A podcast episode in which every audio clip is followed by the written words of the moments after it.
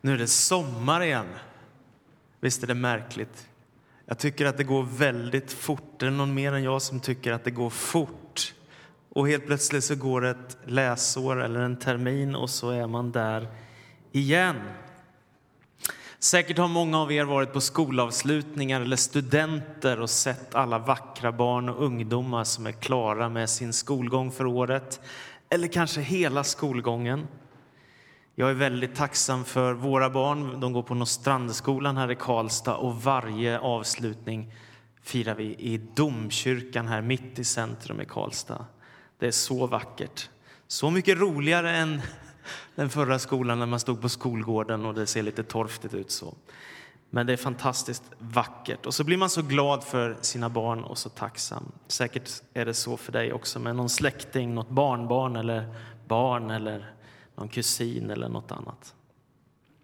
Det är en härlig tid också att man får hämta ny kraft. Sommaren är en tid där man kan få chans att vila, så ta vara på det.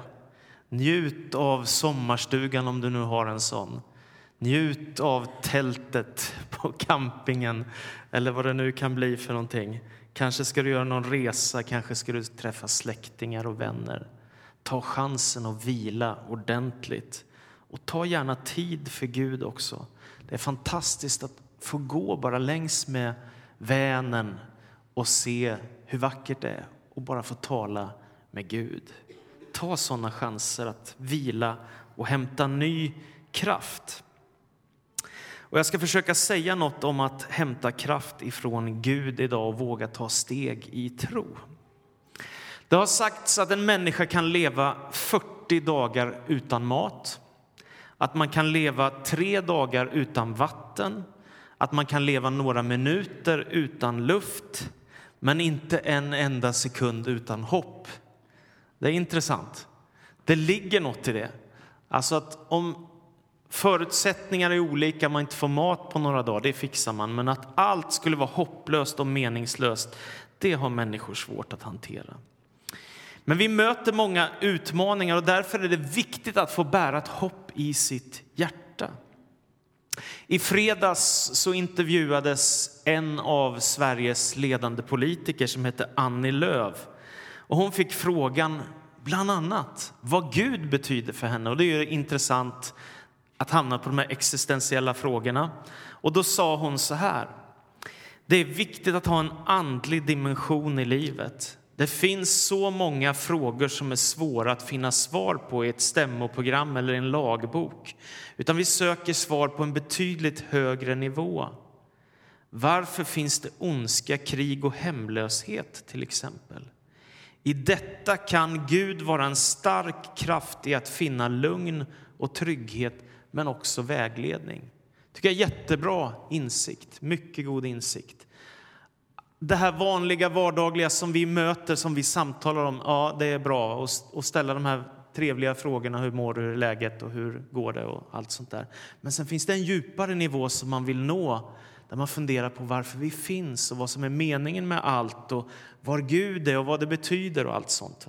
Och det är hon på jakt efter. Det sätter hon på fingret på mycket, mycket bra. Och jag tänkte att vi ska läsa nu från första Samuelsboken, berättelsen om David och Goliat.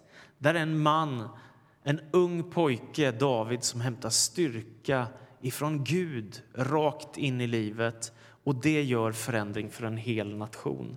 Så här står det från första Samuelsboken, kapitel 17 och vers 1.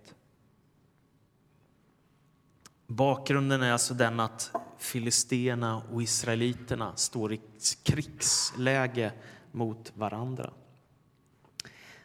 17 och 1. Filisterna drog samman sina trupper till strid och samlades i Soko i Juda. De slog läger i Efes Dammim mellan Soko och Aseka. Också Saul och israeliterna samlade sina styrkor och de slog läger i Terebintdalen och ordnade sig till strid mot filisterna. Filisterna stod på den ena sidan bergsluttningen och israeliterna på den andra med dalen emellan sig. Ur filisternas led steg då en tvekampskämpe fram som hette Goliat från Gat. Han var tre meter lång och bar en hjälm av brons och ett harnesk med bronsfjäll som vägde omkring 60 kilo. Han hade benskenor av brons och ett bronsabel i en rem över axeln. Skaftet på hans spjut var tjockt som en vävbom och spetsen som var av järn vägde över sju kilo. Framför honom gick hans sköldbärare. Goliat gjorde halt och ropade bort mot de israelitiska leden. Varför ställer ni upp till strid? Jag är filisteernas man och ni Sauls tjänare. Utse någon på er sida som får komma ner till mig. Om han är stark nog att kämpa mot mig och döda mig så blir vi era slavar. Men om jag vinner och dödar honom, då blir ni våra slavar och tjänar oss. Och han fortsätter. Jag utmanar Israels här. Skicka fram en man som kan kämpa med mig. Och när Saul och alla israeliterna hörde filistens utmaning blev de utom sig av skräck.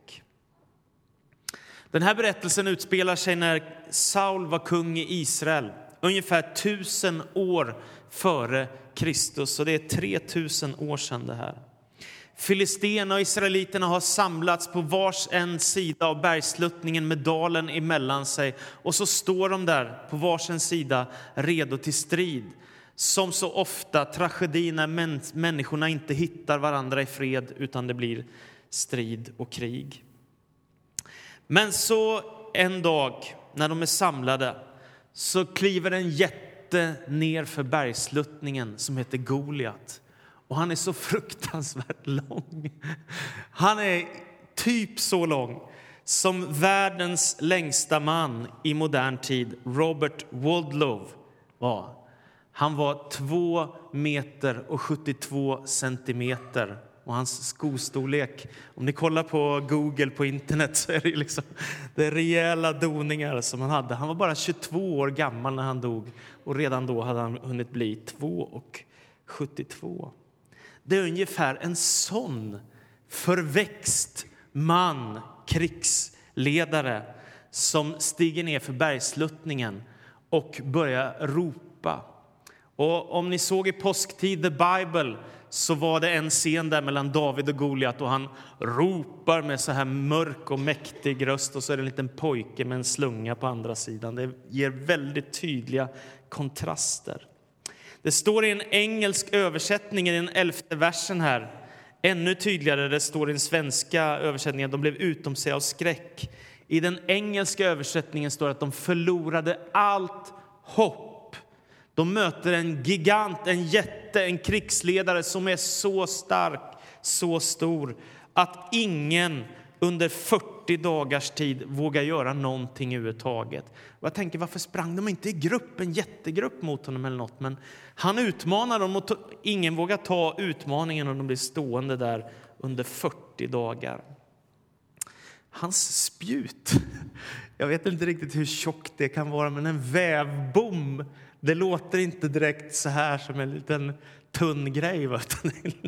Det låter ju rätt så kraftigt. Spjutets spets väger 7 kilo och, och Goliats rustning och hjälm väger 60 kilo. Det är verkligen en gigant som står inför Israels här den här dagen och ropar ut sin utmaning. Och dessutom hädar han Gud och han smädar Israel, Guds folk. Så en dag så händer detta. När det har gått 40 dagar så säger Jisai, som är pappa till David som sen skulle bli kung, att han ska gå med säd och bröd till sina tre bröder som är del av Sauls här som strider för Israels rike. Så det gör han. Han ger sig, om, han ger sig av och så när han kommer fram så ser han de står på varsin sida där han springer fram till sina bröder och han börjar prata med dem. Och precis när han börjar prata med dem så stiger Goliat ner igen och ropar sina hädelser och sina skymford och utmanar till strid. Och då säger den unge pojken David hur kan en oomskuren filisté få skymfa den levande Gudens här? Och när Eliav, som är Davids storebror, hör att David, den unga pojken, säger så, så säger han, vad har du här att göra? Till vem har du lämnat din lilla fårajord i öknen? Jag känner dig nog, din fräcka slyngel. Vilken schysst storebror. Va? Det är inte de snällaste ord man kan tänka sig, utan han är rätt så fräck. Man ska komma ihåg att David, som sen blev kung, han kom ifrån en fattig familj av fåraherdar. Han vallade får, han hade inget kungligt blod i sig. Hans egen far höll tillbaka honom. När, när Samuel kommer för att smörja en kung då är David liksom med fåren och han försöker ställa fram alla andra söner, struntar i David högaktningsfullt. När hans bror får höra att David kommer till stridsherren så säger han Vad är det med dig, din slyngel? Ungefär så. Försvinn härifrån. David är den yngsta sonen i en fattig familj av fåraherdar. Men Gud hade en tanke med Davids liv. Han visste att David en gång skulle bli den mest framgångsrika kung som Israel kanske hade haft under hela sin historia. En man som älskade Gud, som skulle skriva mängder av lovsånger till Guds ära. Men just nu så är David en illaluktande, fattig, smutsig fåraherde som stiger ner för bergsluttningen och säger jag är redo att strida mot Goliat. När han hör Goliats ord, jag utmanar Israels här, skicka fram en man som kan kämpa med mig. Då går David till kung Saul och så säger han, jag är redo. Alltså, han kallas för en pojke, jag kan inte veta hur många år han var. Men han var definitivt ingen vuxen man, utan man måste tänka sig honom som antagligen som en tonåring. Där kommer han, David, säger jag är redo att strida. Då säger kung Saul till David. Inte duger väl du till att slåss mot Filisten? Du är ju bara en pojke och han har varit en krigare hela sitt liv. kan ni tänka, först är det pappa som håller honom undan, sen är det hans bror som kallar för honom en slyngel och så kommer han till kungen och erbjuder sina tjänster och säger du duger inte. Han har inte direkt liksom medvind i livet för sina initiativ och sitt ledarskap. Ändå ger sig inte David. Och när man läser igenom berättelsen om David och Goliat och det om texten omkring där så talar David nio gånger om Gud, två gånger om Goliat. Visst är det intressant? Nio gånger så talar han om Gud och två gånger talar han om Goliat. Och då tänker jag att han har ett helt unikt perspektiv på livet bland alla de här stridsmännen som fanns i Israel. Alla andra stod och tänkte på Goliat, jätten, fiende, svårigheter. Hur ska vi klara detta? David tänker på Gud, Guds storhet, att Gud faktiskt har en tanke med sitt folk, att han vill någonting med honom. Så han fokuserar på Guds möjligheter och tänker på vad han kan göra. Han tänker också på att han har varit en fåraherde, vilket ju låter väldigt, väldigt fint och stillsamt. Men han har faktiskt lyckats sänka både lejon och björnar. Och han har varit erfaren i strid med sin slunga och med sina stenar. Kanske är det så att du möter en jätte i ditt liv just nu. En jätte som kommer med full kraft och bara ropar in i ditt liv. Kan du strida mot mig? Hur ser det ut i ditt liv? Det kan vara prövningar, det kan vara konflikter, det kan vara familjebekymmer, det kan vara relationsproblem, det kan vara rädsla, det kan vara övergivenhet, det kan vara misstag vi gör, det kan vara depression som drabbar, det kan vara räkningar du inte har råd att betala, det kan vara betyg du inte klarade av i skolan, det kan vara människor runt omkring dig som ställer till det för dig och försvårar dina förutsättningar. Det kan vara ett förflutet du har så svårt att bli av med eller en framtid du inte vågar tänka dig in i. Och det är så lätt att se på bekymmer, att se jätten framför sig och tänka hur i hela världen ska jag kunna välta omkull denna jätte?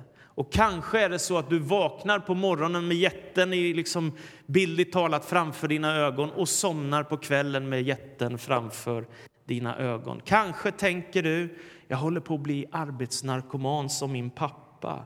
Eller du kanske tänker, min mamma kunde inte behålla sina vänner, det kan inte jag heller. Eller du kanske tänker, i vår släkt är det så många som blir sjuka, jag kommer också bli sjuk. Det kan vara så många saker man tänker. Och om man fokuserar på alla livets svårigheter och jättar så är det enormt lätt att sjunka ner i dyn och man känner att det finns ingenstans som det tar emot utan man bara sjunker och hopplösheten tar lätt över. Men att vara kristen det är att ha ett annat perspektiv. Det är att kunna lyfta sin blick och koppla in Gud i sin verklighet och helt plötsligt så har man helt andra förutsättningar. Jag är inte ensam, jag är inte övergiven, allt är inte kört.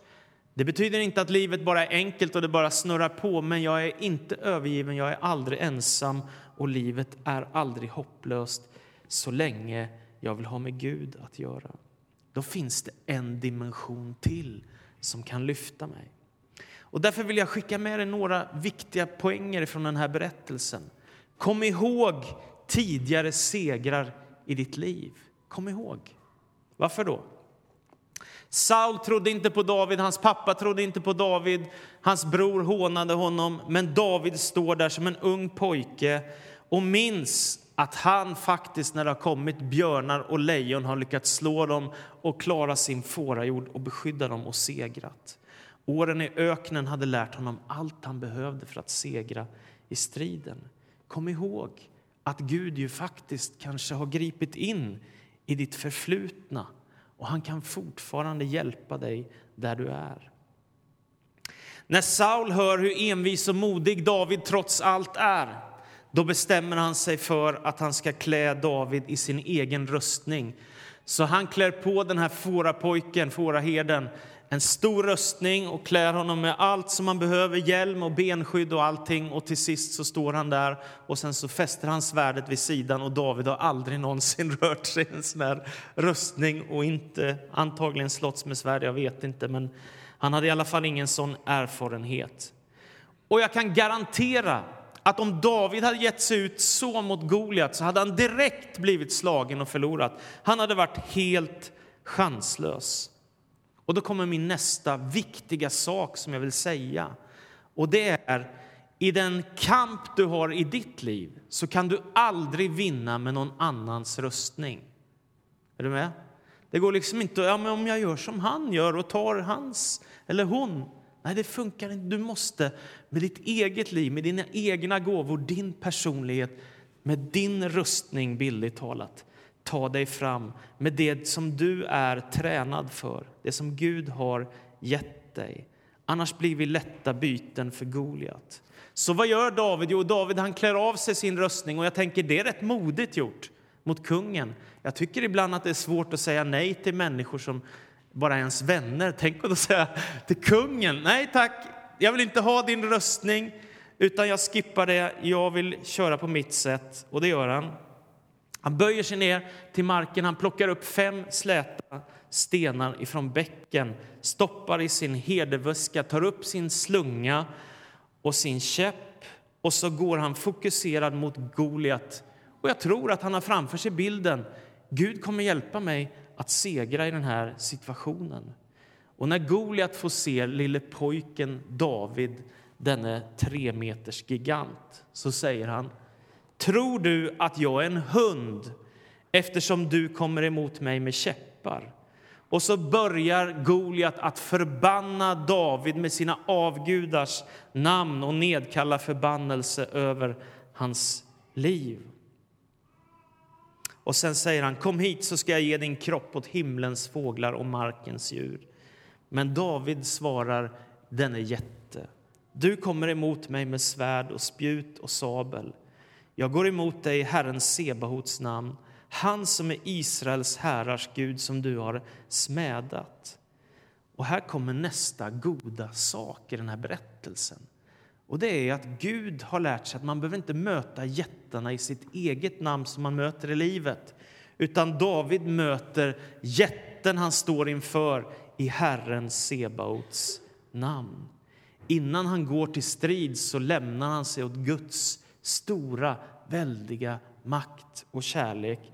Han ber till Gud, ropar till Gud och sen springer lille pojken David med full kraft ifrån Goliat. Han sticker ner sin hand i sin herdeväska, tar upp en slät sten, lägger den i slungan. Han vet att Israels hela folks öde kan vila på om han lyckas sänka denna gigant eller inte. Och så börjar han svinga den och så skickar han iväg en sten som träffar mitt i pannan på Goliat som denne jätte faller till marken och överlever inte.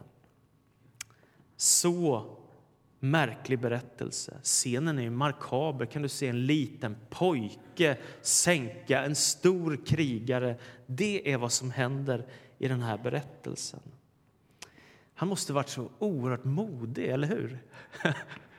Är det någon mer än jag som har varit rädd någon gång och tänkt att jag vågar inte ta den här utmaningen, men jag skulle vilja men jag vågar, törs inte.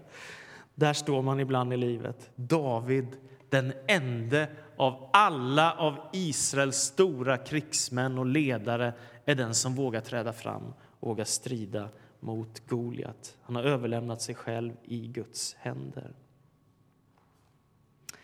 Och då kommer nästa fråga, den här. När sprang du senast mot din jätte? Det är väl en bra fråga. Det är otroligt lätt att springa åt andra hållet, eller hur? Har du märkt det? När svårigheter möter så är det eller konflikter, eller motgångar, eller misslyckanden eller misstag man gör. Det är så otroligt lätt att istället för att gå mot jätten och försöka reda ut det där så är det så lätt att gå åt andra hållet och börja backa och försöka snika sig ur ett bekymmer. Men utmaningen är faktiskt att, att segra över livets svårigheter. Jag tror att många gånger så tänker vi det går inte, det är omöjligt, det är hopplöst, jag klarar inte det här, det finns inte en chans att jag kommer fixa detta och så börjar vi gräva ner oss i livets alla svårigheter. Men det finns en utmaning också att med Gud våga någonting i livet som kan få goda konsekvenser. Min kära pastorskollega i Jönköping för ett antal år sedan, Pelle Hörnmark, han sa en gång när vi samtalade om ledarskap, så sa han, ni måste lära er att inte ducka för utmaningar. Ja, det var ganska bra. Är ni med?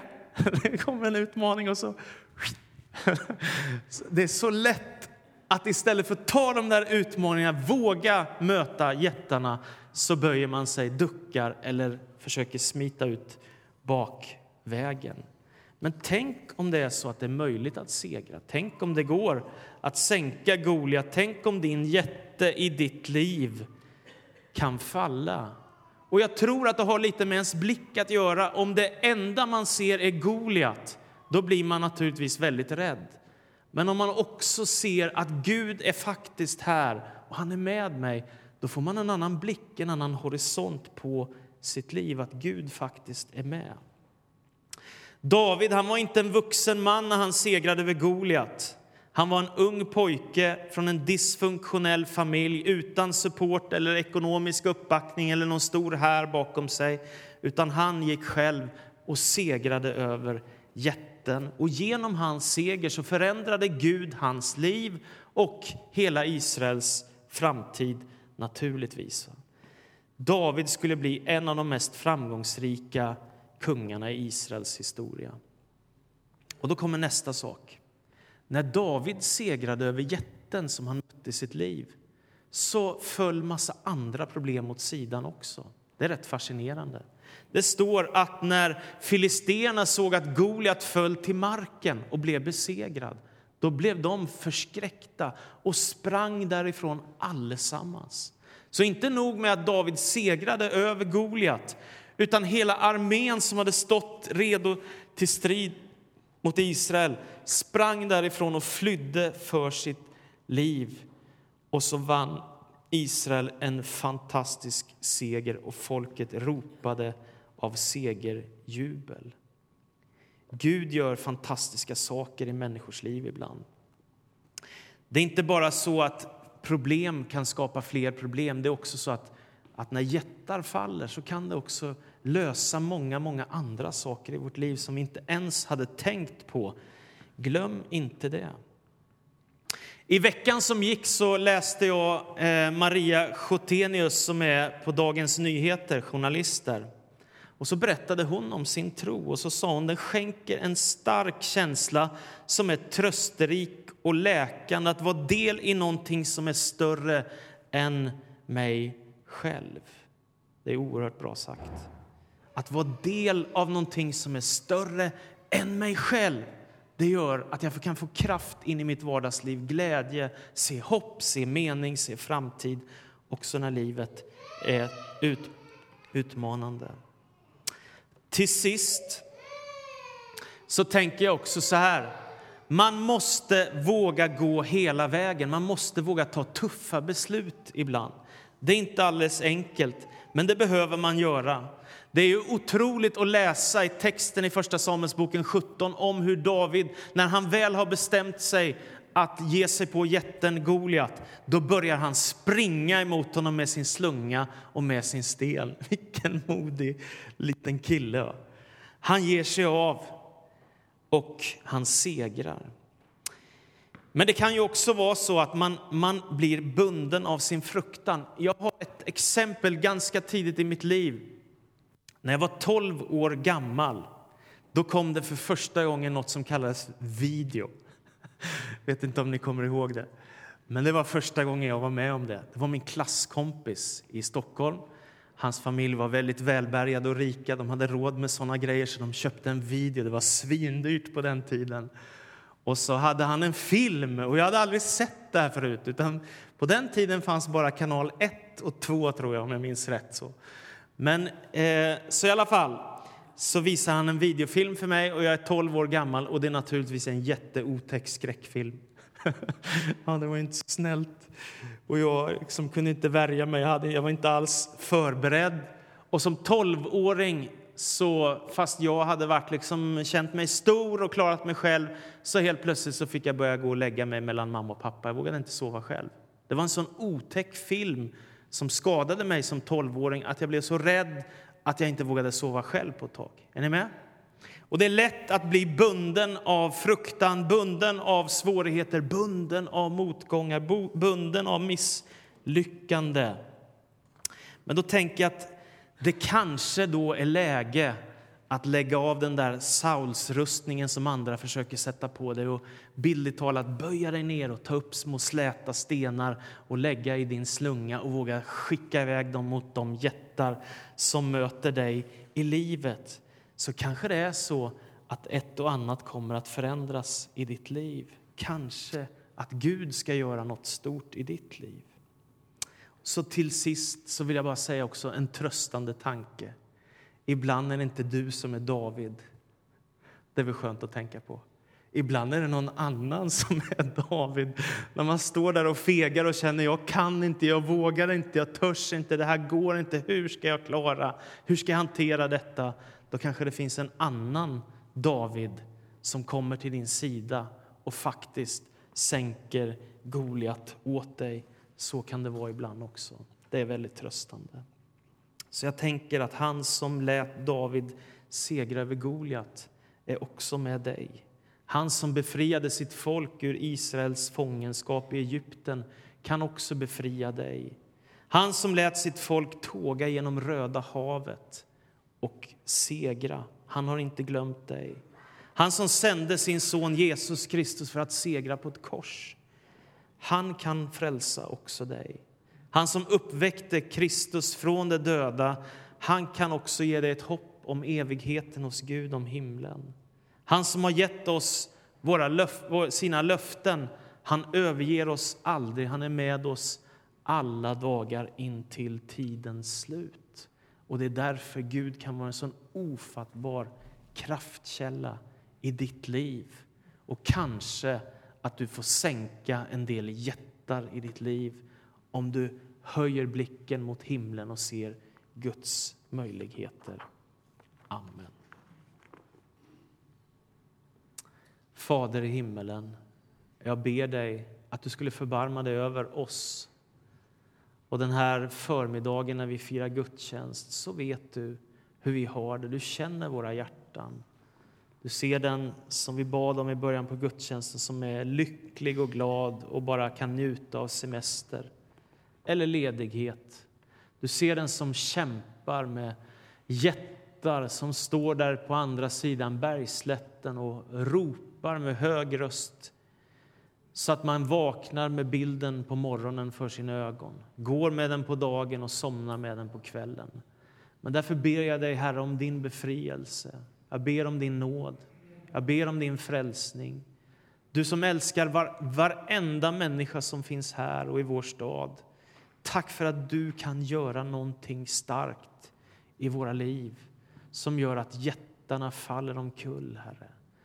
Och att vi får gå fria, befriade, lite rakare i ryggen och våga ta utmaningar i livet som kan vara tuffa och som ändå behöver tas för att vi inte ska bli förminskade som människor, Herre. Tack för din frälsning, Jesus Kristus. Tack för dina välsignelser, Gud Fader i himmelen. Och tack för din kraft som du kan ge oss rakt in i vårt vardagsliv, helig Ande. Vi ber så i ditt namn. Amen.